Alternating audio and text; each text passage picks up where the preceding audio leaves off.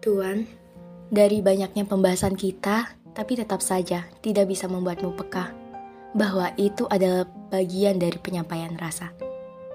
Entah kau tidak peka, atau mungkin tahu, tapi pura-pura tidak tahu, dan membiarkanku untuk terus menerka-nerka. Atau mungkin kita memang sedang memainkan peran masing-masing. Aku pura-pura untuk tidak jatuh cinta, dan kau pura-pura untuk tidak tahu. Tidak apa, aku tidak akan terlalu memaksa. Karena detik ini aku akan melepaskan dan merelakan segenap rasa dengan cara paling dewasa. Bukan menyerah, hanya saja Tuhan tidak lagi membiarkanku untuk terus larut. Terus larut dengan perasaan yang tidak pernah dianggap oleh tuannya. Kisah ini terpaksa ku tutup meski tanpa penutup. Maaf, tanpa izin menjadikanmu tokoh utama dalam setiap ukiran kata.